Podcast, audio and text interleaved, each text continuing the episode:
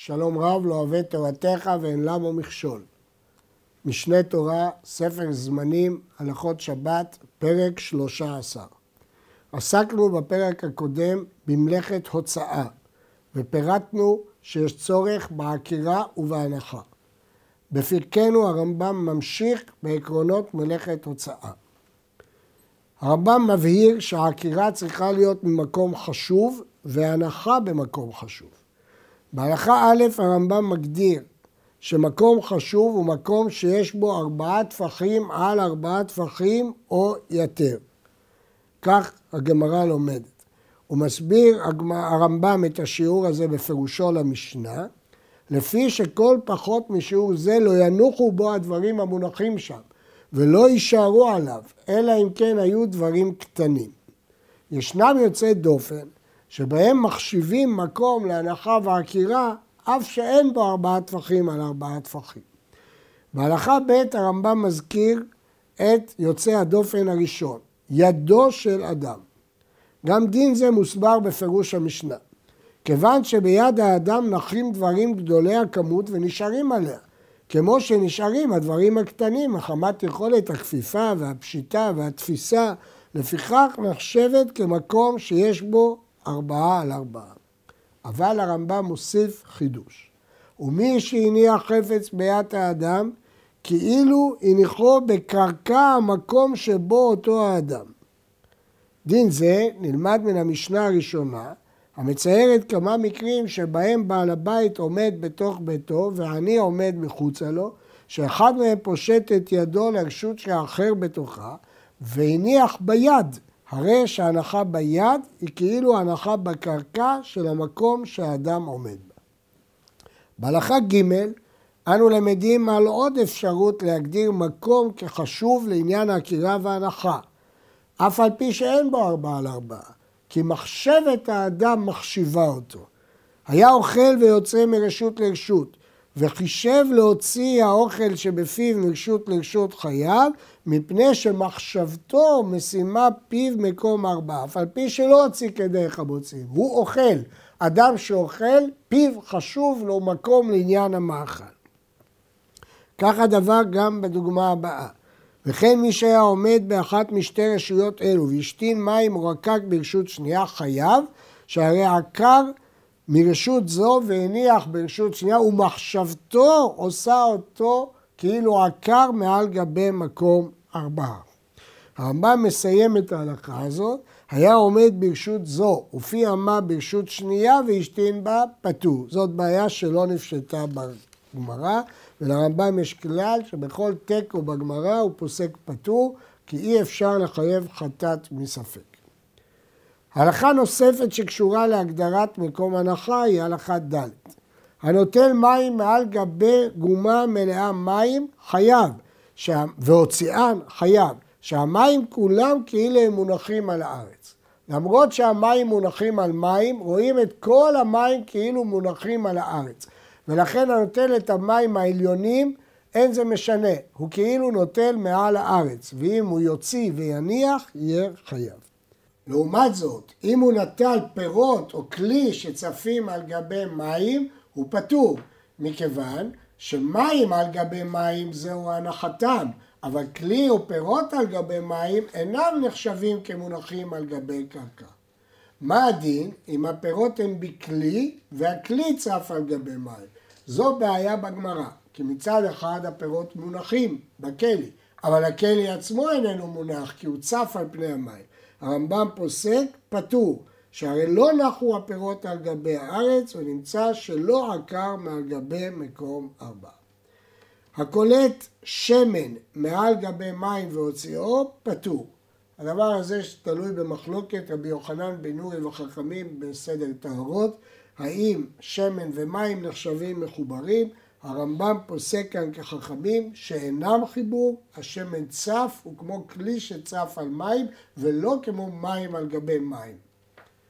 בהלכה ה' מבאר הרמב"ם מי שהיה עומד באחת משתי רשויות ופשט ידו לרשות שנייה וחפץ בידו ונטלו אחר ממנו או שנתן אחר לידו חפץ ויחזיר ידו אליו שניהם פטורים שזה עקר וזה הניח. זהו הכלל ששניים שעשרוה שפטורים. לומדים את זה מפסוק, יחיד שעשרה חייב, שניים שעשרוה פטורים, אבל אסור. כפי שכל אחד מהם עשה מקצת המעשה. כך מבואר במשנה הראשונה במסכת שבת. יש להדגיש שלכאורה מדוע צריך פה היתר מיוחד, פטור מיוחד, הרי אף אחד לא עשה מלאכה שלמה. הראשונים מסבירים, או שהיה עולה על דעתנו לחייב את השני שסיים, או שהיינו אומרים שמלאכה נעשתה מבין שניהם ועלינו לחייב אותה. בכל אופן פטור, כשניים שעשרו פטורים. בהלכה ו' הרמב"ם מסייג, במה דברים אמורים בשהייתה ידו למעלה משלושה. אבל חפץ העובר בתוך ידו של אדם בסמוך לקרקע נחשב כמונח בקרקע, אף אם לא הניח ממש. ולמרות שהוא עומד ברשות שנייה וחברו נותן מידו, הוא חייב. דין זהו חידוש וראשונים אחרים חלקו עליו. הרמב"ם מבין שברגע שהוצאת את היד והיא עכשיו למטה משלושה, כאילו הנחת אותם בארץ. בהלכה ז' ממשיך הרמב"ם את דיני המשנה הראשונה במסכת, שאם אחד עשה את כל הפעולה, כלומר נטל מידו של חברו שברשות שנייה והכניסה אצלו, הרי הוא חייב, וחברו לא עשה כלום, כי הוא רק שימש כמדף. ולכן אפילו לא אסור, הוא לא חייב כלום. עקירתו ועמידתו של האדם בחפץ שעליו. עד עתה דיברנו שידו של אדם נחשבת מקום. מה קורה אם חפץ מונח על האדם והאדם עצמו עובר מרשות לרשות ועומד? כותב הרמב"ם היה עומד באחת משתי רשויות אלו ונטל חברו חפץ בידו על גביו ויצא באותו החפץ לרשות שנייה ועמד, חייב, מפני שעקירת גופו כעקירת חפץ והנחת גופו כהנחת חפץ. העובדה שהוא עקר את גופו עם חפץ שעליו נחשבת כעקירת החפץ מהקרקע ועומדת עמידתו עם חפץ עליו נחשבת כהנחת חפץ בקרקע. ממשיך הרמב"ם לפיכך אם יצא בחפץ שבידו על גביו ולא עמד ברשות שנייה, אלא חזר ונכנס והוא בידו, אפילו יוצא ונכנס כל היום כולו, עד שיצא היום, פטור, לפי שעקר ולא הניח. והחידוש הוא שאפילו עמד לתקן המסוי עליו, עדיין הוא פטור. עמידה לחטף, לתקן המסוי, היא שירות של ההליכה. והיא לא נחשבת הנחה אלא עמידה, עד שיעמוד לנוח, לפוש כלשון הגמרא. זאת הנחה. גם הלכה ט' וכן מי שהייתה חבילתו על כתפו ורץ בה אפילו כל היום אינו חייב עד שיעמוד, נגד דינו של בן עזאי שמהלך כעומד. מדוע רץ כי מי שקדש עליו היום מזמן שחבילתו על כתפו צריך דווקא לרוץ ולא להלך, שמא יעמוד מדרבנן. הלכה י' עקר חפץ מרשות הרבים והלך בו פחות מארבע אמות ועמד וחזר והלך פחות מארבע אמות ועמד אפילו כל היום כולו פטור. מדוע? מכיוון שהעמידה, הנחת גופו נחשבת להנחת חפץ ואם כן היא מפסיקה את העברה של ארבע אמות. אך גם כאן, במה דברים אמורים בשעמד לנוח, לפוש, זאת עמידה שנחשבת הנחת חפץ. אבל אם עמד לתקן מסעו, לכתף, עמידה שמשרתת את ההליכה, הרי זה כמהלך, ואם כן הוא לא עמד, וכשיעמוד חוץ לארבע אמות, חייב. אם כן, טלטול פחות פחות מארבע אמות, אין בזה איסור תורה. בהלכה י"א היה קנה או רומח וכיוצא בו מונח על הארץ והגביה הקצה האחד והיה הקצה השני מונח בארץ והשליחו לפניו וחזר והגביה הקצה השני שהיה מונח בארץ והשליחו לפניו על דרך זו עד שהעביר החפץ כמה מילים פטור לפי שלא עקר החפץ כולו מעל גבי הארץ. חפץ צריך לעקר כולו אבל אם חלק אחד שלו מונח, חלק אחד שלו עקור, אין זו נחשבת לעקירה. אבל אם הוא יגרור את החפץ, חייב, כיוון שהמגלגל עוקרו, כי החלק הנוגע בקרקע נע, לכן אין פה חלק שנח. אבל מוט או קנה, שחלק אחד תמיד ממנו מונח, אין זו נחשבת עקירה. בהלכה י"ב מלמדנו הרמב"ם שצריך עקירה עם מחשבת הוצאה, אבל עקר חפץ מזווית זו להנחה בזווית אחרת, בתוך הבית, לא על מנת להוציא, שנמצאת זאת העקירה, העקירה מותרת, ונמלח בדרך והוציאו לרשות שנייה, פטור, מפני שלא הייתה עקירה ראשונה לכך, ונמצאת הנחה בלא עקירה. כן, יש כאן חידוש, שלא די שתהיה עקירה מרשות אחת והנחה ברשות שנייה, צריך שבשעת העקירה תהיה מחשבת הוצאה, עוקר על מנת להוציא. וכן העוקר חפץ להניע והניחו על חברו כשהוא מהלך, ובעת שירצה חברו לעמוד נטלו מעל גבי חברו, הרי זה פטור. שהרי יש כאן עקירה בלא הנחה. י"ג הזורק חפץ מרשות לרשות, או מתחילת ארבע לסוף ארבע ברשות הרבים, וקודם שינוח קלטו אחר בידו, או קלטו כלב, או נשרף, פטור, מפני שאין זו הנחה שנתכוון לה. הוא התכוון שהחפץ ינוח על הקרקע, ומה שקרה שאחר קלט אותו, או כלב, אין זאת ההנחה שהוא התכוון לה. לפיכך, אם נתכוון בשעת זריקה לכך, חייב. כמובן, בתנאי שעוד מעט נלמד אותו, שלא הכלב קפץ וחטף את החפץ, או האדם קפץ וחטף את החפץ, אלא הגיע לידיו. לכן הבעיה פה היא רק של המחשבה, ואם המחשבה הייתה תקינה, חייב. הזורק חפץ מרשות לרשות והיה קשור בחבל ואגודו בידו, אם יכול למשוך החפץ אצלו פטור, שהרי אין כאן הנחה גמורה ונמצא כמי שעקר ולא הניח. למדנו שכאשר כלי חציו בחוץ וחציו בפנים, אין זו הוצאה, כי אגד כלי שמו אגד. כאן אומר הרמב"ם, אם כל הכלי מונח בחוץ, אבל אגדו בידו, ישנו חבל, שהוא יכול למשוך את החפץ אצלו, פטור, שהרי אין כאן הנחה גמורה. כיוון שעדיין הוא יכול למשוך את החפץ אצלו, אין פה הנחה אה, גמורה. הדין הזה מעיר עליו רבי עקיבא איגר, שהחזקת החבל מלמדת על רצונו של אדם וכוונתו שלא יהיה מונח במקום שהוא ייפול מכוח הזריקה. לכן אין זו הנחה גמורה. אבל במקרה שכל הכלי יצא, פטור רק אם באמת יכול למשוך את החפץ חזרה אליו. אף שבאגד כלי פטור גם ללא תנאי זה. נסביר. באגד כלי, עצם העובדה שחלק מהכלי מונח ברשות אחת, פותרת אותו. כי לא הייתה פה עקירת כל הכלי. אבל כשנעקר כל הכלי, החבל לבד לא דיו להחשיב את זה כאילו לא יצא, אלא מחשבתו, כיוון שהוא חשב שעדיין האגד בידו, עדיין לא התקיימה לגמרי מחשבת העקירה. מדוע הפירוש הזה הוא חשוב? הוא מסביר מה ההלכה הזאת עושה כאן. מדוע היא קשורה בין, ומונחת בין ההלכות שעוסקות במחשבת העוקר. הלכה ט"ו הזורק ונחה בתוך ידו של חברו.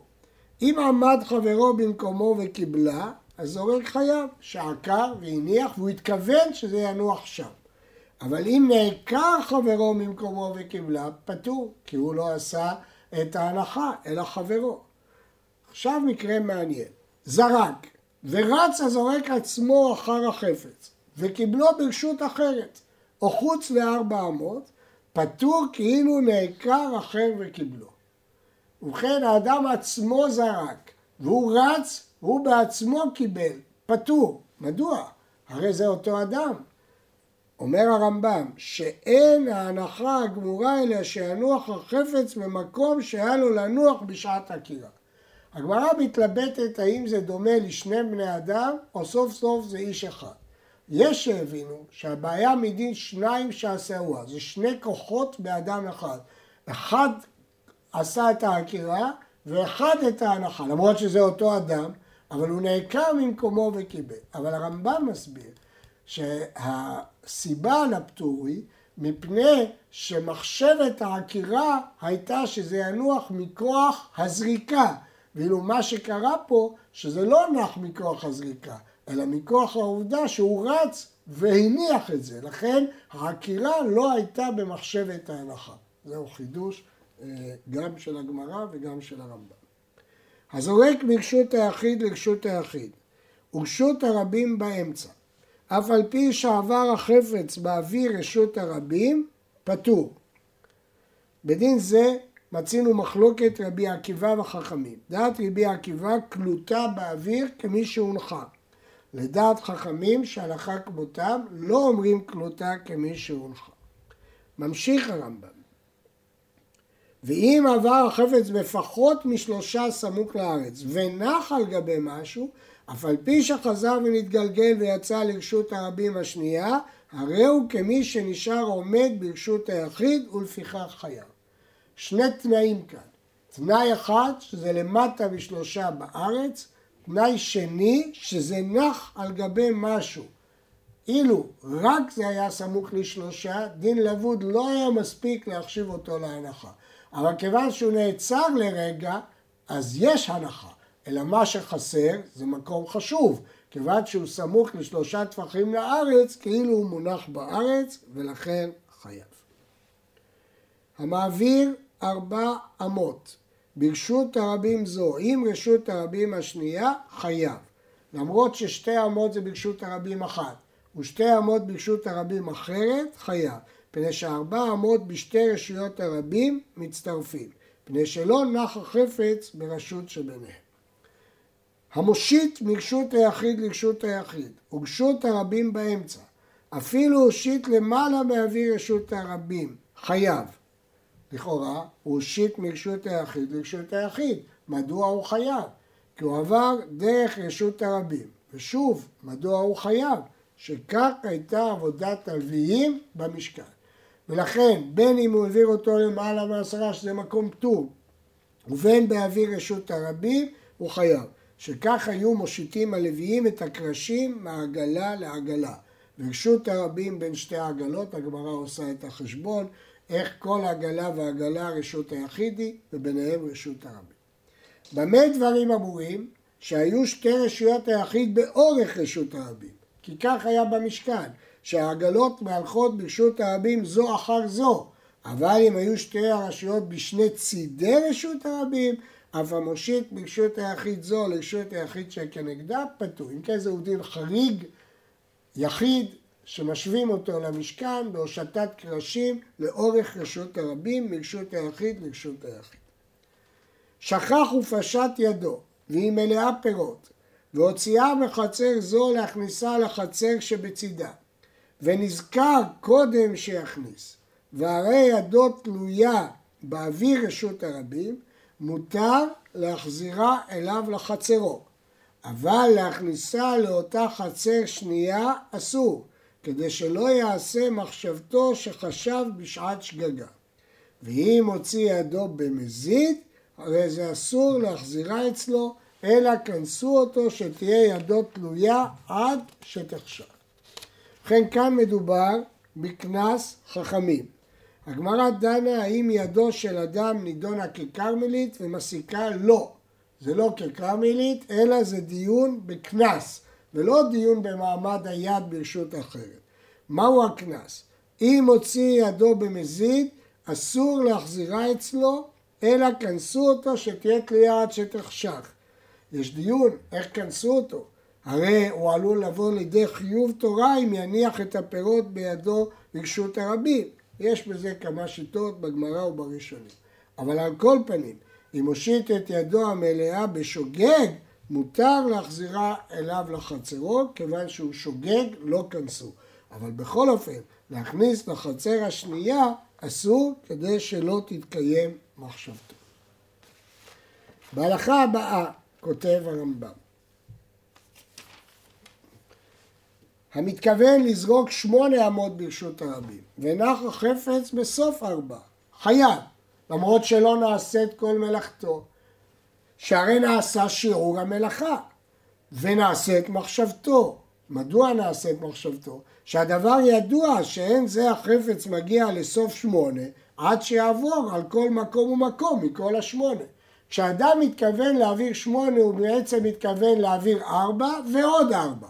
אז הוא גם מתכוון להעביר ארבע, וזה עבר ארבע, לכן חייב. אבל אם מתכוון לזרוק ארבע ונח החפץ בסוף שמונה פטור, לפי שנח במקום שלא חישב שתעבור בו, כל שכן שתנוח, הוא תכנן רק להעביר ארבע אמות, הוא לא, עלה, לא עלתה על דעתו שהחפץ יעבור שמונה אמות. אבל, לפיכך, אם חשב בעת זריקה שינוח החפץ בכל מקום שירצה, חייב. זרק לתוך ארבע אמות ונתגלגל חוץ לארבע אמות, פטור, שלא הייתה מחשבתו לעשות איסור בכלל. זרק חוץ לארבע אמות ונתגלגל לתוך ארבע אמות. אם נח על גבי משהו חוץ לארבע אמות ואחר כך נתגלגל ונכנס, חייב. כבר ראינו את הדין הזה של נח על גבי משהו, כמובן סמוך לשלושה לארץ, שעד עכשיו נח בארץ. ואם לא נח כלל, הרי זה פטור, כי לא הייתה הנחה ברשות אחרת.